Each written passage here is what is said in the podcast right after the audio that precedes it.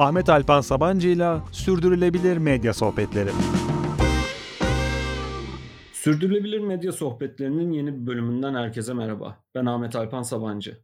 Bu bölümde konuğumuz Aposto'nun kurucusu Orhun Canca. Aposto bilmeyenler için 2018 yılında kurulan ve eş zamanlı olarak hem e-bülten yayınlayan hem de e- diğer e-bülten yazarları ve yayıncılarına platform sağlayan bir medya girişimi. Yani ne sadece bir yayıncı olarak adlandırabiliriz ne de bir teknoloji şirketi çünkü sadece birini söylemek kesinlikle diğer taraftaki üretilen işlere haksızlık olacaktır. Hoş geldin Orhun. Hoş bulduk Ahmet. Şimdi Aposto görece yeni olmasına rağmen hani bilinen ismini özellikle medya sektöründe olsun aynı zamanda hani teknoloji sektöründe de olsun bilinen hale getiren kurumlardan birisi. Ama Aposto'nun çıkış hikayesini nereden bu ihtiyacı fark ettiniz ve kuruluş süreciniz nasıl geçti? Bunun hikayesini bilmeyenler için bize anlatabilir misin biraz? Tabii ki seve seve. Öncelikle beni ağırladığın için çok teşekkürler. Seninle sohbet etmek podcast içinde, podcast dışında büyük bir zevk. Ee, özellikle yeni medya ve yeni medyadaki gelir modelleri üzerine. O yüzden heyecanlıyım açıkçası bu podcast için. E, Aposto'nun kuruluş hikayesinden kısaca bahsetmem gerekirse 2019'da bizim sosyal medyadaki büyük içerik gürültüsüne karşı her sabah insanların çevrim içi olma baskısı olmadan Türkiye'yi ve dünyayı takip edebilecekleri e-posta bültenleri atarak başladı. Ama gerçek hikayesi bundan 3-4 sene önce kadar gidiyor. Ben e, Apostol'dan önce pek çok farklı internet girişimiyle denemelerim oldu. Bunlar daha çok öğrenme, Chrome extension geliştirme, farklı web sitesi modelleri deneme, uygulamalar deneme üzerineydi. Ve tüm bunları yaparken aslında fark ettiğim çok büyük bir akım, büyük bir sorun vardı. İçerik internet üzerinde demokratikleştikçe ve nicelik olarak arttıkça aslında büyük bir hem dezenformasyona hem de bir gürültüye sebep oluyor. Ama bunların da ötesinde geleneksel medyadaki sürdürülebilir gelir modellerinden kopmaya başlıyor. Aslında bundan 15-20 sene önce bir gazetenin, bir derginin ya da bir televizyonun, bir radyonun gelir modeli çok belliydi reklam ya da abonelik modeli üzerinden. Ama internette, sosyal medya üzerinde içerikler arttıkça artık her içeriği her yerde bedava bir şekilde görebiliyor olmaya başladınız. Apostol'un çıkış hikayesi yeni medyada gazetelerin, dergilerin ve belki daha sonra televizyon ve radyoların yeniden icat edildiği versiyonları nasıl olabilirdi? Ve bunları biz tek bir servis altında aynı Spotify gibi, Netflix gibi bir araya getirip tek bir abonelik modeli üzerinden demokratik, sürdürülebilir, erişilebilir yeni bir gazete, dergi platformu kurabilir miyiz? De. O yüzden bir çeşit gerçekten Netflix'te nasıl tek bir abonelik üzerinden filmlere, dizilere, Netflix'in kendi ürettiği ya da lisansladığı içeriklere erişilebiliyorsa benzer bir modeli yazılı içeriklerle çok daha hem gazeteciliğe dokunan hem dergiciliğe dokunan bir çatı altında bir araya getirebilir miyizdi? Bunun aslında avantajı farklı farklı bültenlere, farklı farklı içerik servislerine para vermeden tek bir abonelikle tüm bilgi ihtiyacını karşılayabildiğin steril, gürültüden uzak, hani Twitter'da da Instagram'da kaybolmadan doğrudan tek bir güvenilir bir yerden aldığın ve sürekli genişleyen bir içerik kataloğuyla senin cebinde bir bilgi arkadaşı, bir haber arkadaşı, bir dergi arkadaşı gibi bir servis kurabilir miyiz? Bu da ilham kaynakları dediğim gibi aslında internetin ve teknoloji ve medyanın kesişim noktasında e, diğer endüstrilerdeki dönüşümler gibi bir dönüşümün medyada olup olamayacağıydı. Mesela müzik endüstrisinde işte korsan dönemlerden ilk iTunes Store gibi bir e, modele sonra da Spotify gibi Apple Music gibi daha streaming modellerine evrilme var. Mesela Netflix'e e- eğlence sektöründe korsan DVD'lerden işte Netflix'e Netflix'in tamamen streaming servise dönüşmesi var. Ve gazeteler ve dergiler ölürken ve artık basılı kimse almazken bunun evrimi nasıl olacak ve evrimin sonunda bu tarz böyle servisler aslında internetin çıkış noktası olabilir mi gibi bir hayaldi. Aposto bugün bunun bu yolculuğun ortalarında diyebilirim. Tabii ki Türkiye'nin kendi dinamikleri var. O Türkiye'nin dinamikleri bizi çok daha medya odaklı bir stratejiye e, evirdi. Artık biz kendi bünyemizde çok farklı bültenler, podcastler, derlemeler, haber analizleri, içgörü yazıları yapan bir şirkete dönüştük. Ama aslında backbone dediğimiz o arka planda tüm bu yeni nesil gazete ve dergilere bir teknolojik altyapı sağlayan bir çeşit teknoloji şirketiyiz. Ön yüzde bir medya şirketiyken arkada sürekli olarak bu yatırımları yapıyoruz diyebilirim. Bahsettiğin o dönüşüm şeyi hatırlattı. Bruce Sterling'in çok sık tekrar ettiğim bir sözü var. Müzisyenlere ne olursa ardından herkese de o olacak diye. Yani aslında biz dediğin gibi hani hem Aposto açısından hem de genel olarak medya sektörü için de işte müzisyenlerin o bahsettiğin yaşadığı dönüşümünü şu an yaşamının ortalarına gelmiş gibi görünüyoruz. Evet kesinlikle müzik uzun süre bizim için çok önemli bir analojiydi. O sektörün değişiminden dönüşümünden neler alabiliriz? Doğru yapılanlar, yanlış yapılanlar. Çok hep odaklandığımız, hep aramızda konuştuğumuz bir örnekti. Tabii ki de farklılıklar var. Mesela sürekli dinlenebilmesi Spotify üzerinde ama bir haberin ya da bir bültenin bir kez ya da iki kez okunabilmesi. Burada da sürekli tüketilen içeriklerle anlık olarak tüketilen içerikler arasında bir gelir modeli farklılığı çıkıyor. Tam olarak uygulayamasak da gelir modeli, endüstrinin evrimi, internet üzerinde geliş, genişleyen teknolojiler bazında bize iyi bir dayanak sağlıyor. Ama çok iyi bir sözmüş. Bunu kullanabilirim. Bilmiyordum. şey, kaynağını hem podcast açıklamasında paylaşırım sana da gönderirim onun ilk söylediği yeri. Şimdi bahsettiğin anlamda hani hem gerçekten hani daha farklı bir yaklaşım diyebileceğimiz bir iş yapıyorsunuz ama diğer yandan hani e-bülten olarak bir yayından başlamak da hani işte o 2018 ve o civarlarda Türkiye'de çok nadir olan bir şeydi. Apostol'un ortaya çıkışı, Newslab'in bülteniyle birlikte yayın hayatına başlamış olması Newslab Turkey'in ve o dönemde yine yayın hayatına başlayan veya biraz sonrasında yayın hayatına başlayan birkaç bültenle birlikte aslında Türkiye'deki o newsletter, e-bülten akımının ve dalgasının da hani ilk isimlerinden birisiniz. Hani bu muhtemelen çok daha şeyler farklı zorluklar da getirmiştir diye tahmin ediyorum o süreçte. Böyle bir insanlara ulaşma ya da insanlara anlatma noktasında kendinizi. Evet aslında biz başladığımızda 2019'da gerçekten de yoktu e, bülten. Ya tabii ki de vardı bizden önceki örnekleri deneyenler.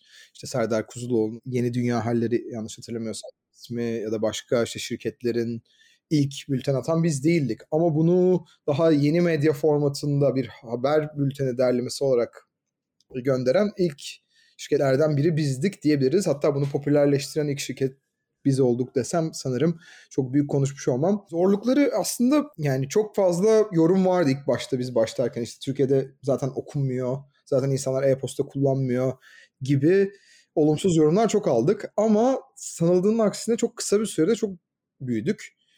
Ee, ilk haftada daha newsletter'ı başlattığımız ilk haftadan 10 bine yakın bir abone aldık ve bu bizi çok şaşırtmıştı. O zaman zaten fark ettik. Şu an doğru zamanda doğru yerde yapıyoruz. Tabii ki de biraz şanslıydık zamanlama olarak. Bu şansı ben sonraki yıllarda fark ettim. İlk başlangıç aşamasında gerçekten şanslı bir evrede ortaya çıkmış olduğumuz mesela şu anki ekosistemle o zamanki ekosistem çok farklı. Bu her yere yansıyor gelir modelinden yaptığımız reklamların geri dönüşlerine. E, ama iletişimi o kadar zor muydu emin değilim. Yani biz çok kısa bir sürede büyüdük ve bence yenilik özellikle iyi bir model, iyi bir ürününüz varsa yeni bir e, motto yeni bir formatla ortaya çıkmak Türkiye'de gerçekten alıcısını buluyor. O yüzden benim buradaki e, bakış açım bu tarz yenilikleri denemekten kaçınmamak. Yani direkt sahiplendiğini düşünüyorum Türkiye'nin. Çünkü alternatifler çok azdı. Sosyal medyada çok büyük bir gürültü vardı. Twitter gibi, Instagram gibi sosyal mecraların Türkiye kullanım oranları çok yüksek bildiğimiz gibi. Ve insanlar her gün, her saniye korkunç bir bilgi bombardımanının içinde. Bunun pek çok sıkıntısı var. Ve biz orada gürültüden uzaklaş gibi temiz e, bir motto ile çıktığımızda bu pek çok okurumuz tarafından kabul gördü ve bültenlerimize abone oldular. Ondan sonra da yavaş yavaş kulaktan kulağa genişleyerek bizi daha geniş kitlelere ulaştırdı.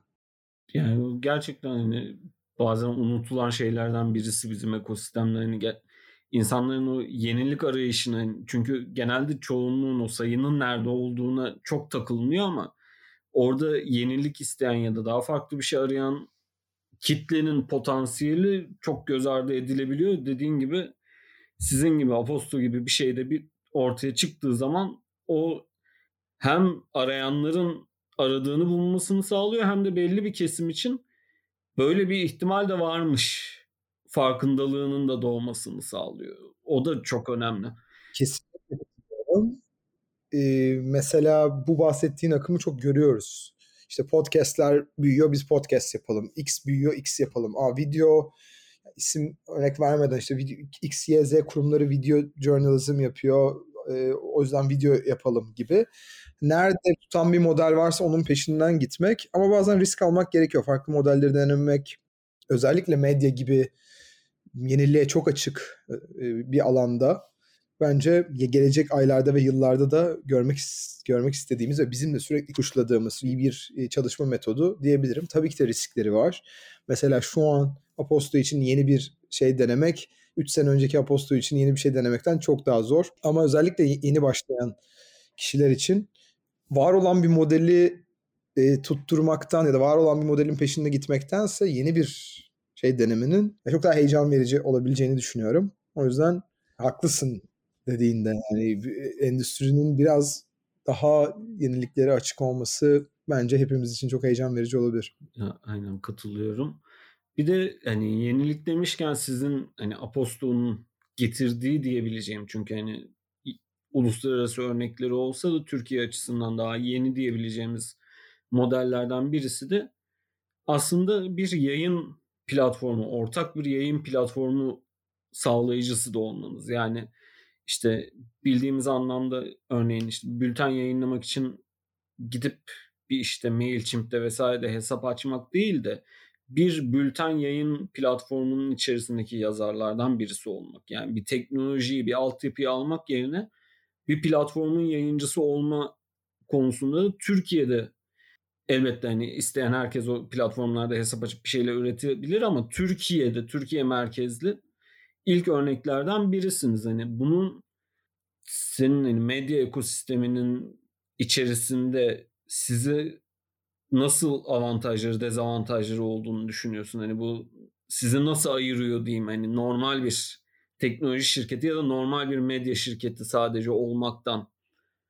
Ee, çok güzel bir soru Ahmet. Bunu öncelikle bazen anlatmakta güçlük çekiyoruz e, eksilerinden biri bizim tam olarak ne yaptığımız ya da nasıl bir şirket olduğumuzun iletişimini iyi kuramamak. Yani çünkü biz, bizleri biz bir medya şirketi miyiz yoksa bir platform sağlayıcı mıyız yoksa bir teknoloji sağlayıcısı mıyız? Biraz ortaya karışık oluyor. Bu da bugüne kadar bizim bize çok çelme taktı. Hala Aposto'yu Aposto nedir diye etrafa sorsan farklı farklı cevaplar alabilirsin. İşte bazıları podcast'te biliyor, bazıları bültenlerle biliyor. Bu bence bizim e, üzerimize düşen bir sorumluluktu ve ilerleyen aylarda bence çok daha bunu e, iyi tanıtacağımızı düşünüyorum. E, ama şu çok heyecan verici. Böyle bir servisi Türkiye'de üretiyor olmak, Türkiye'de üretmiş olmak e, bize gurur veriyor. Genelde işte Türkiye'de tutan teknoloji girişimlerine ya da büyük yatırımlar almış, büyük exitler yapmış girişimlerine baktığımızda bunların alanları çok bellidir. İşte daha e-ticaret üzerine olabilir ya da bir takım işte şirketlere yönelik e, yazılımlar geliştiren e, girişimler olabilir. Ama bu tarz alanlarda özellikle yatırımcıların belki biraz daha riskli bulduğu ya da gelir modellerinin biraz daha e, çetrefilli olabileceği alanlarda bir teknoloji üretmiş olmak e, bizim için zor bir süreçti. Hani buna kaynak akıtmamız gerekti. Şirketi işte ikiye bölmemiz gerekti. Farklı bir ürün departmanı kurmamız gerekti. Ama bir yandan da şu an hala devam ediyor bu arada bu süreç. Bitmişti. Şeylerimiz, giderlerimiz artıyor. İşte sistemler kompleksleşiyor. Hem dünya ekonomisi hem Türkiye ekonomisinden ötürü çok fazla zorluğun içine giriyoruz.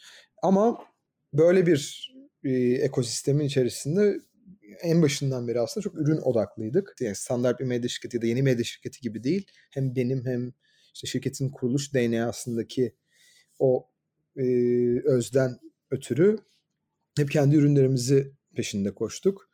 Artıları ve eksileri oldu diyebilirim. E, şey heyecanlıyız gelecek için. Bu sistemleri geliştirip Türkiye'de çok daha fazla editörün, yazarın, yayıncının, akademisyenin, sivil toplum kuruluşunun yazı ve ses üzerinden daha çok hatta bizim özelimizde yazı üzerinden kendi mesajlarını, kendi düşüncelerini, kendi görüşlerini aktarabileceği ve bunu sürdürülebilir bir gelir modeli etrafında yapabileceği bir servis sağlamaktan özetle böyle. Yani orada özellikle hani sizin kurduğunuz yapıyla ilgili şey yaptım. Hani birincisi kesinlikle daha fazla yazıya ve metine yönelik ben her türlü girişimin gerektiğine inananlardanım. Çünkü bu teknoloji sektörünün malum hype dönemlerinden dolayı sanki yazı, metin daha az önemliymiş ya da değersizmiş gibi bir algı yaratmaya çok şeyler böyle çünkü oradan yeterince para kazanamadıkları için ama oysa maalesef hani yani maalesef mi diyeyim yoksa iyi ki mi diyeyim internetteki en kalıcı şeylerden birisi metin. Always bet on text diye bir yazı var. Aynen. ee, çok çok inanıyorum bu söze. Aynı zamanda da şöyle bir akımda bence geliyor. Görselli o kadar tükettik ki sürekli bir görsel bombardıman içerisindeyiz. Yazının çok daha önemli olduğu bir evreye doğru gidiyoruz. Ben buna inanıyorum. Hani insanlar tam tersini söylüyor işte TikTok'larla birlikte 2 saniyelik, 3, 3 saniyelik dikkat alanlarında videoya daha fazla yatırım yapmalıyız. Ben bunun tam tersine inanıyorum. Görsel kültürü o kadar tükettik ki yazının o güçlü, e, dinamik, e, hiçbir şekilde kaybolmayan doğasına geri döneceğimizi düşünüyorum. Bence Substack ya da Twitter'ın şu anki e, girdiği dönüşüm Elon Musk'la birlikte ya da Twitter'ın karşısına çıkmaya çalışan rakipleri hep bunun bence öncülleri. Yazı üzerine çok daha fazla girişim ve teknolojik akım göreceğimizi ben düşünüyorum ilerleyen yıllarda. Onunla ilgili yakın dönemde de bir bültende derleme yapmıştım ben neler yapılıyor diye. Yani ben açıkçası bu arada Twitter'ın şu anki gidişatını bu anlamda bir avantaj olarak görüyorum. Çünkü hani yazılı bir şeyler paylaşmak isteyen herkesin neredeyse Twitter'ın kolaylığına kendini kaptırmış olması gibi bir sıkıntımız da vardı. Şimdi yani or, o platform giderek kullanılamaz hale geldikçe bana kalırsa böyle girişimlere daha fazla alan açılacak gibi hissetmeye başladım. Ben bakalım hani zaman içinde göreceğiz oranın nereye gideceğini.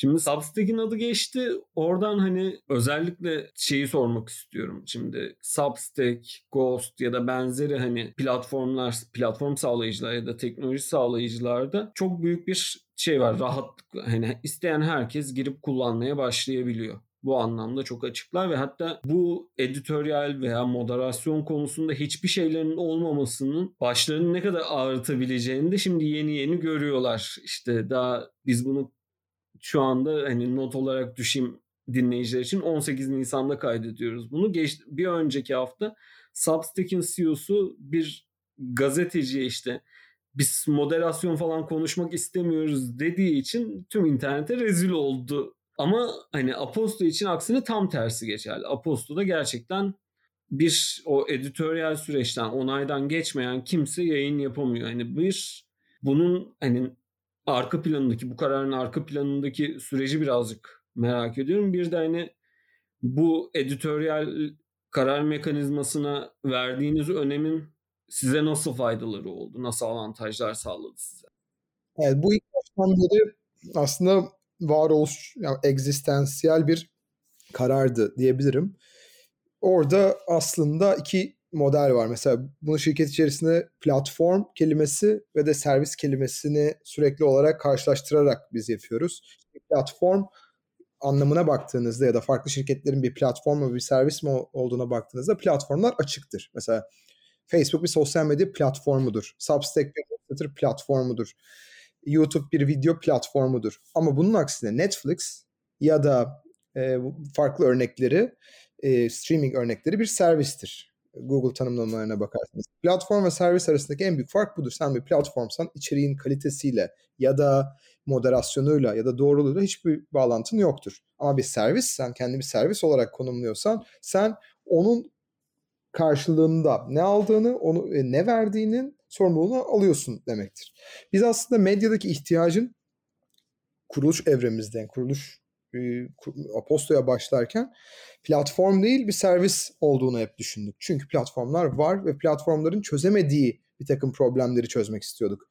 Çünkü Substack üzerine ya da Twitter üzerine ya da YouTube üzerinden sürekli içerik akışının olması bambaşka problemlere sebep oldu. Bir servis gibi konumlanmak, bir servis gibi konumlanmaktan kastım aslında kapalı olmak. Açık değil. Kapalı olmak da ne demek? Herkesin burada yazı yazamaması ya da bir, bir takım editoryal standartlarımızın olması, içeriklerimizin sorumluluğunu almamız, sürekli olarak onlara geri bildirim vermemiz ya da e, bir içerik kalitesini kendi standartlarımız ölçüsünde tutturmak istememiz bizi aslında bir servis yapıyor. Yani sattığımız ya da verdiğimiz içeriğin sorumluluğu bizim üzerimizde oluyor. Bu işte e, Substack'ta tam tersi. Substack bunun sorumluluğunu almaz. Sen newsletter üreticisi olarak hem içeriğin sorumluluğu sendedir hem e, hakları sendedir. Her şey aslında sendedir. E, bizim için en başından beri ya bu çok kırmızı bir çizgiydi. Biz bir platform değiliz. Biz bir servisiz. E, sadece standart bir medya şirketi gibi sadece kendi içeriğini üreten bir servis değil. Partnership'ler yapan farklı kurumlarla, kişilerle, üreticilerle işbirliği kurarak da bu servisi genişleten, zenginleştiren bir medya şirketiyiz. E, bu bağlamda da bir eğer biz bir servissek ve bir medya şirketiysek bu içerik bizim içeriğimiz ve bu içeriğin her açısından editoryal sorumluluğunu almak, e, okuyucuya işte okuyucu geri bildirimlerine bakarak geliştirmeye çalışmak ve de bir takım işte kırmızı çizgilerimize karşı onu, o içeriği modere etmek kendi sorumluluğumuzda. E, açıkçası daha teknolojik bir yerden de sadece medya mesela medya şirketlerinde bu standarttır. Her medya şirketi zaten bunu yapar. Teknoloji şirketleri bazında da ben bunun giderek çok daha yaygınlaşacağını ve de bu akımın geleceğini düşünüyorum. E, bu tabii ki de bizi zorlayan tarafları da oldu. Mesela çoğu yatırımcı görüşmesinde özellikle yurt dışında bizim açık bir model değil kapalı bir model benimsememiz yatırım onların bize yatırım yapmamasının arkasındaki en büyük sebeplerden biriydi. Neden? Çünkü işte scalability, sürdür e, büyüyebilmek potansiyeli çok daha az. Bir platformda sınırsız büyüyebiliyorsun. Eksponansiyel büyüyebiliyorsun. Viral olduğunda onlarca, yüz binlerce hesap açılabiliyor senin platformun üzerinde gibi ama daha teknoloji şapkamla konuşmam gerekirse bunun biraz geçmişte kaldığını ben düşünüyorum. Daha fazla yatırım alalım, daha fazla büyüyelim, gelir modeline umursamayalım. Mesela Substack üzerinde de şu an çok büyük sıkıntılar var. Gelir modelleri ne kadar yani geçen gün şirket içinde hesapladık. Hani bizden çok daha büyük zararları olan haldeler büyüklük kıyaslanamaz. Ama yani bir servis platform değil servis modelinin bir savunucusuyuz olarak. Platformların hepsi kötü mü? Hayır. Platformlara ihtiyacımız var mı? Kesinlikle var. Ama biz bu akımın yani bu endüstrinin daha servis kısmındayız ve servis kısmındaki ihtiyaçların şu an hem bizim karşılamamız adına hem de e, Türkiye ve de yakın Türkiye sonrası açılmak istediğimiz pazarlar özelinde daha büyük ihtiyaçları olduğunu düşünüyoruz. Ben o anlamda da katılıyorum. Yani hatta şu aralar biraz da platform fazlasıyla mücadele ediyoruz. Hani biraz ve dediğin gibi muhtemelen hani yakın dönemde daha servislere doğru bir ilgi artmaya başlayacak. Muhtemelen de bunu Substack'in giderek daha fazla kendisini kötü durumlara düşürmesi de hızlandıracak gibi geliyor bana. Yani o son hamleleri mesela hiç akıl alır gibi değildi bana kalırsa ama bakalım onlar ne yapacaklar. Ki aslında hani bu soruyu biraz daha sonralarda konuşuruz diyordum ama bu kadar konusu açıldı. Ve hani aslında kısmen de cevapladık. Hani sizin şu anki işte içinde bulunduğunuz ya da kendinizde ortak alanda gördüğünüz ekosistemin yakın dönemine dair hani neler gözlemliyorsun ya da işte neler olabilir nasıl bir dönüşüm yaşayabiliriz bu alanda ama hani kısmen de bunun cevabını aldım gibi sanki. Belki şöyle bir ekleme yapabilirim. Türkiye pazarı ve de uluslararası pazar arasında büyük bir fark var. İnsanlar bunu paralel görüyor ama çok çok büyük farklılıklar var. Biz bunu 3 senede farklı şekillerde deneyimledik. İşte en büyük farklılıklardan biri mesela konuştu, biri konuştuğumuz örnekler üzerinde işte Substack gibi platformların ya da e, Patreon gibi daha doğrudan üretici odaklı e, servislerin uluslararası yani özellikle Amerika'da çok daha yaygın olurken Türkiye'de daha abonelik modelinin yeni yeni gelmesi. Tabii ki de YouTube üzerinden insan YouTuber'lara ya da Patreon üzerinden kendi üreticilerine ücretler veriyor. Ama medya ekosistemini aldığımızda yani daha belli yani bir piramit gibi düşünürsek medya ekosistemini ve en altta belki daha e, established, daha güvenilir medya şirketlerini koyup piramidin en üst basamağına kadar gittikçe piramidin en üstüne de üreticileri ya da işte influencerları koyarsak Türkiye'de bu piramit biraz ters dönmüş durumda. e, maalesef daha established medya kuruluşları yok. O yüzden ben yakın dönemde Türkiye'deki e, iyi iyi sağlam yeni medya şirketlerinin ortaya çıkacağını, e, yeniden sıfırdan bir medya ekosistemi yaratılacağını ve bunun bence ilk örneği e, umarım biz olacağız. Abonelik modelinin çok daha yaygınlaşacağı medya üzerinde bir yere doğru gidiyoruz. Bizim birinci amacımız bu. Türkiye'de sağlam, sürdürülebilir, e, Türkçe konuşan birinin cebinde olması gereken bir abonelik, e, dijital medya aboneliği olmak. Türkiye pazarında böyle görüyorum. Özellikle ikinci yüzyıl, Cumhuriyet'in ikinci yüzyılına girerken ve e, Türkiye'deki işte 1924'ten itibaren Cumhuriyet'in ilk kuruluşundan sonra işte Yunus Nadiler'le birlikte başlayan e, tüm bu medya e, tarihine baktığımızda ikinci yüzyılı için yepyeni bir e, dönem olacağını düşünüyorum. Belki böyle bir şey yapabilirim, ekleme yapabilirim. Dünyada zaten yazılı platformlardan bahsediyoruz. Yazının tekrardan geri gelebilmesi e, ve de bence medya şirketlerinin tekrardan o üretici hani creator economy sonrası yani post creator economy dediğimiz dönem daha creative economy, daha creative e, grupların, komünitelerin biraz daha ön planda olacağı bir evreye doğru gidiyoruz bence. Yani gözlemlerin büyük anlamda hani benim de gördüğüm ya da fark ettiğim şeyler. Burada birazcık hani şeyi de merak ediyorum aslında. Aboneliği ciddi bir şekilde deniyorsunuz ve bunun olması için de hani en çaba gösteren ekiplerden birisiniz. Dünyayı da hani takip ediyorsunuz. Dünyadaki farklı abonelik modellerini ya da işte onların nasıl işlediğini de takip ettiğinizi de biliyorum konuşmalarımızdan. Bizi hani Türkiye'deki bu farkın altında ne gibi sebepler görüyorsun? Niye daha o noktaya gelemedik? Hani insanların rahatça hani abonelik konusunda henüz o kadar rahat olduğu noktaya gelemedik. Hani elbette işte ekonomik durum vesairenin bununla payı var ama elbette hani sadece bununla açıklanabilecek bir şey de değil. Katılıyorum. Evet bence en büyük nedenlerinden biri dijital bir abonelik satmaya başladığınızda sadece bir işte gazete satmış olmak ya da bir içerik satmış olmuyorsun. Ama bir dijital ürünü satmış oluyorsun ve dijital ürünü satarken dünyadaki tüm diğer dijital ürünlerle rekabet etmeye başlıyorsun. E, ve bir dijital ürün geliştirmek gerçekten zor bir şey. Bir mesela bir gazete basıyor olsak ve gazete aboneliği eğer gazetelerin e, popüler olduğu bir dönemde biz bu konuşmayı yapıyor olsaydık bir gazete aboneliğini satabilirdik çok daha rahat bir şey. Eğer biz çok iyi editörlersek, yazarlarsak gazete basmayı öğrenirdik. Zaten bir takım standartları var. Basardık, yayın e, dağıtım şirketine verdik. Sat, satma potansiyelimiz daha yüksekti aslında. Ama şu an bir dijital ürünü yapıp o dijital ürünü satmaya çalışmak diğer tüm re- e, rekabet e, ettiğin kişilerle de aslında aynı kefeye koyuyor seni. Burada tek avantaj Türkçe. Yani, e, mesela İngilizce konuşulan bir ülkede olsaydık orada da bambaşka avantajlar ve dezavantajları olacaktı. İlk e, nedeni bu. Eğer bir dijital ürün aboneliği satıyorsak çok çok çok iyi bir dijital ürünümüz olmalı her şekilde. Sadece içerik değil, sadece yazı değil, sadece haber kalitesi değil. Oradaki tüm deneyimin işte uygulamasından iPad'ine, web sitesinden e, işte e-postalarına ki biz hala pek çok problem yaşıyoruz e, ve geliştiriyoruz sürekli ve daha iki, iki buçuk senedir yeni özellikler getirmek, bug'ları geliştirmek, giriş problemlerini çözmek ve daha yeni yeni olgunlaştığı bir noktaya geldi bence. Hala gidecek bir yolumuz var ama e, ilk zorluğum bu olduğunu düşünüyorum. İkinci zorluk da bence biraz Türkiye'deki abonelik modellerinin çok da temiz olmayan geçmişi diyebiliriz. O, Türkiye'de çoğu insanın e, internet aboneliği olan ya da işte televizyon aboneliği olan ya da başka bir takım abonelikleri olan başı pek çok şeyle ağrıdı son senede. Ben bunun bu sayısının bu kadar fazla olduğunu bilmiyordum yakın zamana kadar. Ama gittikçe araştırmalar yaptıkça, insanlarla konuştukça ne kadar fazla olduğunu gördüm.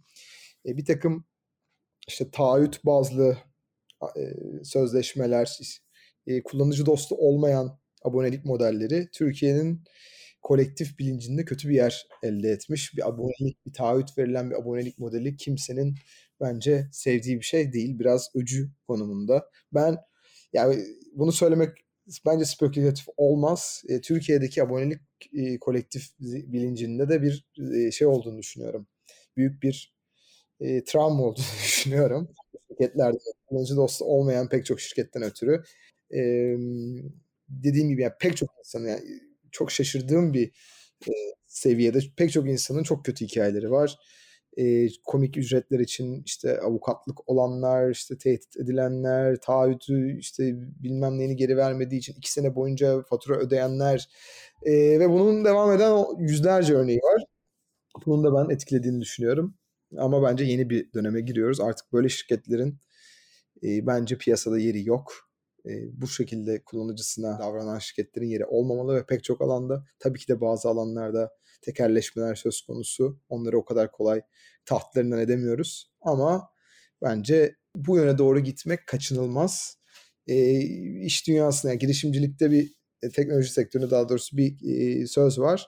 Everything that will be disrupted will be disrupted. E, bu da öyle bir konu.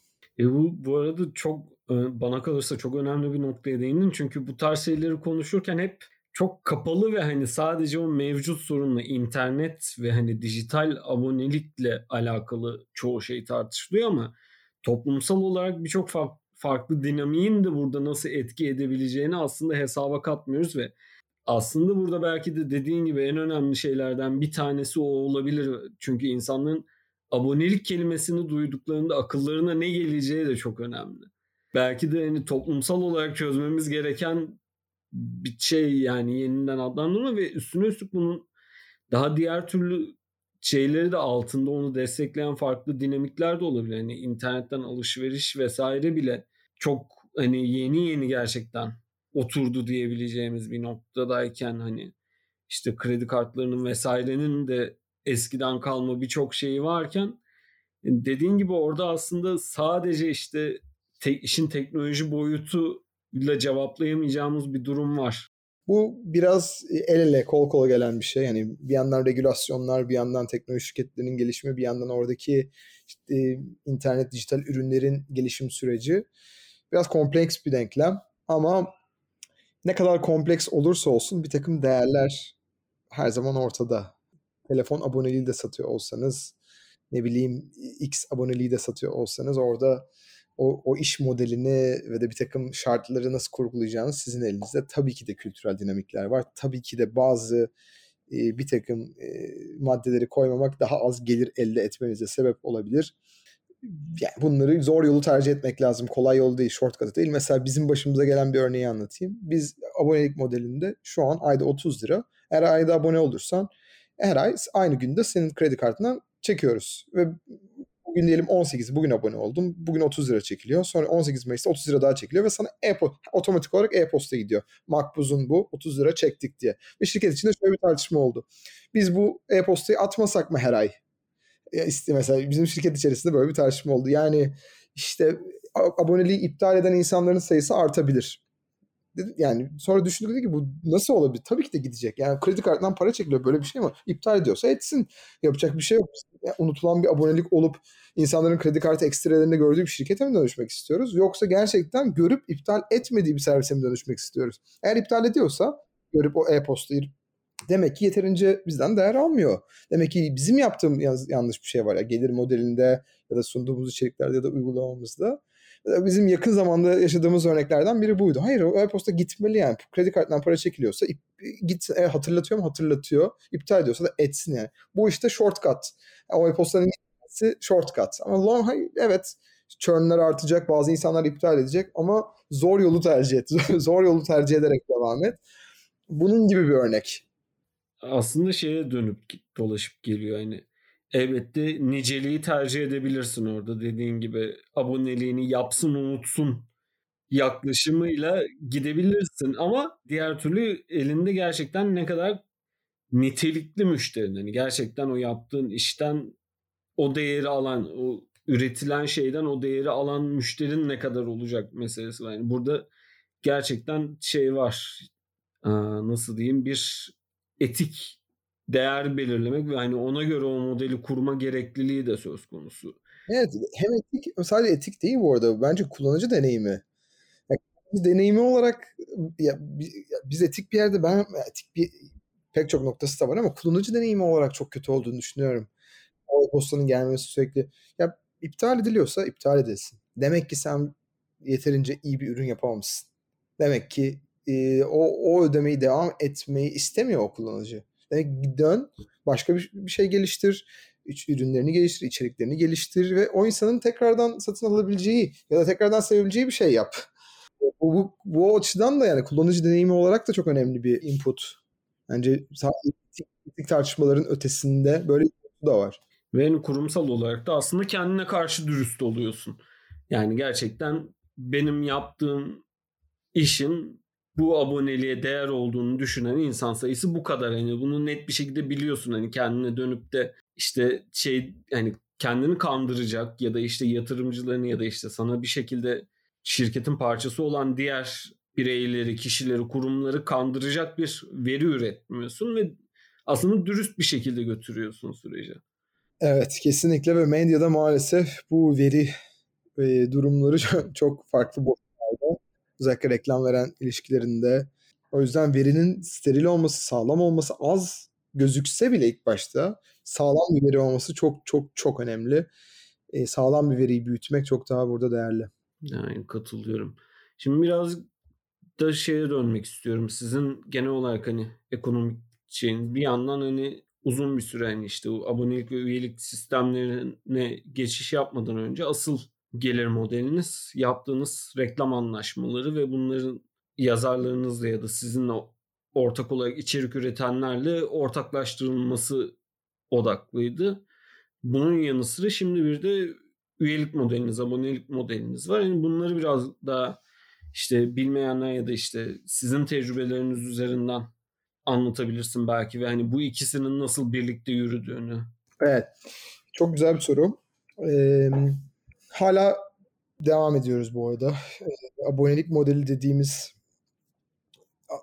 şey aslında başlı başına bir ürün ve sürekli gelişmesi gerekiyor. Sürekli değer vaadinin artması, farklı şekillerde denenmesi, deney yapılması. Biz de bunun e, orta noktalarında bir yerdeyiz.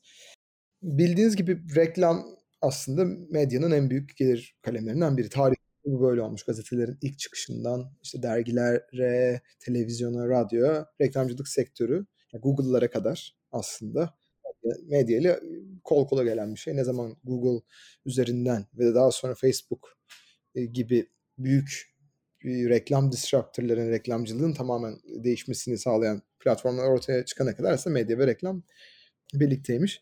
O yüzden bizim reklam konusunda duruşumuz işte üye ol ve reklamları kapat gibi çok saçma e, ya da saçma kelimesini kullanmayayım burada daha reklamları öcüleştiren bir yerden değil. Tam tersi o geleneksel medyada yaratıcı reklamcılığın ruhunu alacak ve de medya ve reklam ilişkisini sağlıklı bir yere evirecek bir e, felsefeden bakıyoruz. O yüzden de programatik reklamcılık hiçbir zaman yapmıyoruz.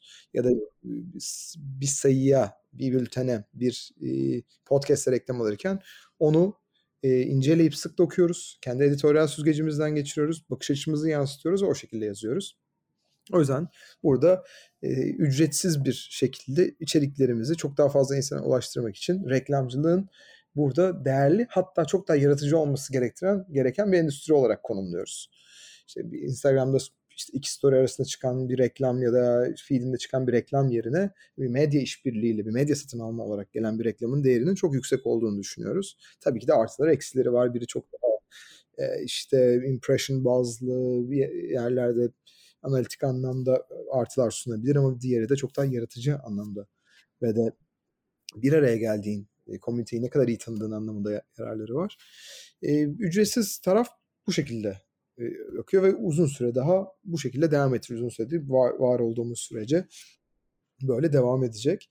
E, üyelik tarafında da aslında gelir modelimizi çeşitlendirip çok daha fazla içerik yapabilmek ve de bir ayakları yere basan sağlam bir medya şirketi olabilmek için başlattığımız ve de sadece haberleri değil ama üretimi biraz daha e, niş alanlarda uzmanlıklar isteyen işte içgörüler gibi, görüş yazıları gibi, sektör analizleri gibi, endüstri raporları, trend raporları gibi içeriklerin e, üyelik ayda 30 lira şu an ücreti, yılda 300 lira yıllık aboneliklerde. Ödeme duvarının arkasına koyduğumuz e, daha e, spesifik alanları takip etmek isteyen okurlarımız için başlattığımız bir sistem. İşte burada e, tabii ki de bu e, ödeme duvarının de, değer vaatleri sürekli gün geçtikçe gelişiyor, genişliyor. Biz de bunun üzerine çok çalışıyoruz.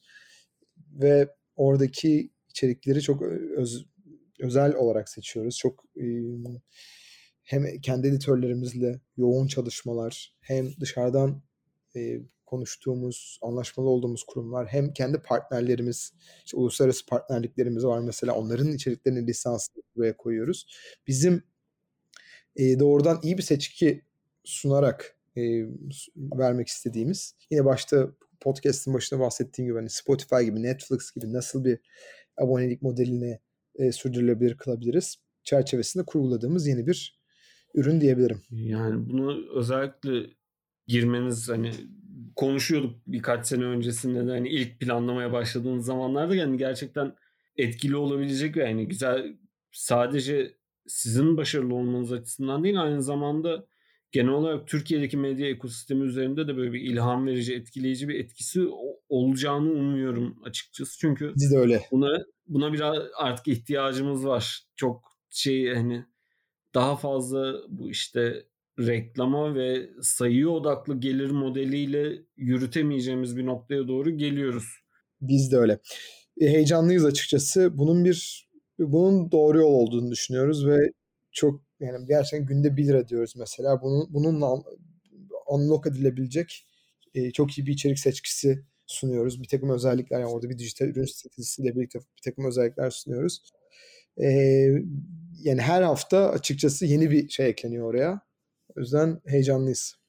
Hem okur olarak hem de hani sektörü takip eden onun içerisinden biri olarak hani heyecanlı ilerleyiş takip ediyoruz. Şimdi elbette hani konumuz sürdürülebilirlik ve hani bu odak üzerinden genellikle konuşuyoruz. Peki şöyle bir soruyla daha hem böyle bir sohbetin de şeyini alalım istiyorum. Genel derlemesini ve işte biraz da toparlamasını hem Aposto açısından yani sürdürülebilir Aposto hani nasıl bir noktaya geldiğinde hani sen artık biz sürdürülebilir bir kurum olduk dersin diye sorunun ilk yarısını sorayım. İkincisi de sürdürülebilir medya dediğimde hani senin aklında nasıl bir şey canlanıyor? Nasıl bir ekosistem canlanıyor?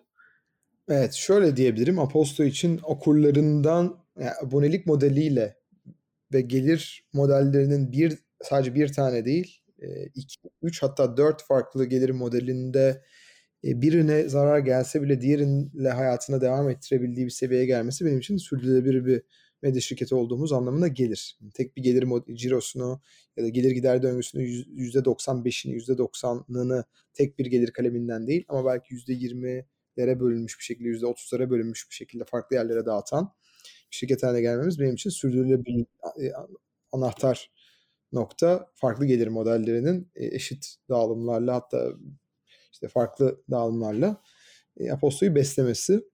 Şu anda zaten odağımız bu yönde.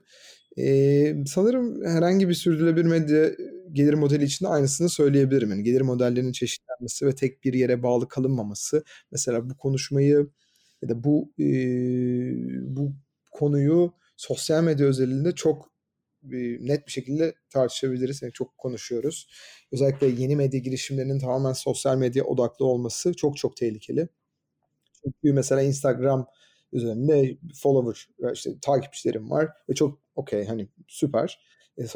İnsanlar Instagram'da çok vakit geçiriyor ve çok fazla takipçinin olması sana e, reklamcı çekebilmen ve reklam alabilmen konusunda çok büyük bir avantaj ama bu ne kadar?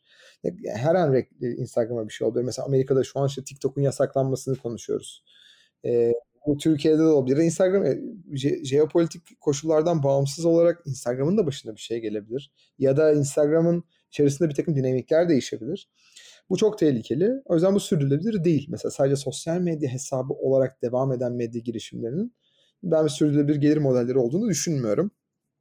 O yüzden her şekilde kendi mecrasının olması çok kritik. Bu bir web sitesi olur, bu bir uygulama olur, bu bir e, bambaşka bir bülten olur, bu bir e, herhangi başka bir şey olabilir ama birden fazla ve de sadece sosyal medya odaklı, medya odaklı olmamak bunu en büyük bu soru ve bu konsept ve bu podcast'in ismi de aslında özelinde en en önemli derslerden biri olarak görüyorum. Eğer bu podcast muhtemelen dinleyen kişiler zaten sektörün içerisinden gelen ya sektörde çalışan ya e, bu alanda aktif olan kişiler.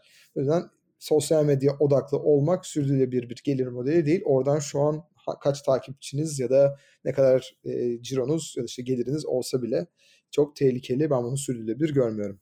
Sonuna kadar katılıyorum. Hani çünkü şu anda hani en taze örneğini Twitter'da görüyoruz. İşte algoritma odaklılığa geçmeleriyle birlikte insanlar görünürlüklerini kaybetmeye başladı. Yani bunu yıllardır YouTube üzerinde görüyoruz. YouTube ne zaman algoritmasını değiştirse bir anda herkesin video formatı değişmek zorunda kalıyor. Yani aslında ürettikleri şeye ya da üretmek istedikleri şeye kontrol edemiyorlar, sahip olamıyorlar. Bunu umarım hani dediğin gibi daha fazla insan fark eder ve daha fazla insan hani kendi sahip oldukları alanları önceliklemeye başlarlar. Bu... Yani orada bir sürdürülebilir kendi alanında bir ürünün olması çok çok kritik. Sadece sosyal medyaya bağlı olmamak. Dediğim gibi herkes için bu farklı bir üründür. Ama kendi kendi mecranın olması çok kritik. Sonuna kadar katılıyorum. Orhun çok teşekkür ederim zaman ayırdığın için. Kapatmadan önce eklemek istediğin veya söylemek istediğin bir şey var mı? Bunları bence fiziksel olarak da yapmalıyız. Sadece podcast Zoom üzerinden ya da işte bir stüdyoda kaydederek değil ama fiziksel bir etkinlik seninle yapmayı çok isterim bu konular üzerine. Hatta Aposto bünyesinde yapmayı çok isterim. Hatta dışarıya da açık yapalım. Belki Newslep'te belki işte Aposto'yla belki bambaşka bir konsepte. aklında olsun. O zaman biz dinleyicilere de takipte kalın her an böyle bir şey gelebilir diyerek. Evet yakında yakında işte Apostol'a bu etkinliklere başlamak istiyoruz. Buradan da onu söyleyeyim. Hı-hı. Seninle de bence bu tartışmayı sahneye ya da bir e, sohbet ortamına taşımak e, şu an en heyecanlı olduğumuz projelerden biri. Bunu ekleyebilirim. Çok teşekkür ederim. Yani davetin için hem de bu yakında gelecek plandan böyle bir ön izlemeyi aslında paylaştığın için. Evet bu bölümümüzün de sonuna geldik. Tekrar çok teşekkürler Orhun'a zaman ayırdığın için ve keyifli sohbet için. Podcast'imiz bir önümüzdeki bölümleriyle devam edecek. Eğer bunu ilk kez dinliyorsanız herhangi bir podcast dinleme uygulamasında Newslab Turkey yazıp arattığınızda bizi bulup abone olabilirsiniz. Bunun yanı sıra web sitemizde, sosyal medya kanallarımızdan ve e-bültenimiz üzerinden de bizi takip edebilirsiniz. Aposto'nun uygulamasına, web sitesine ve oradan benim seçtiğim, severek okuduğum birkaç tane bülten tavsiyesine de açıklama bölümünde ulaşabilirsiniz. Bizi dinlediğiniz için çok teşekkürler. Görüşmek üzere. Ahmet Alpan Sabancı ile Sürdürülebilir Medya Sohbetleri.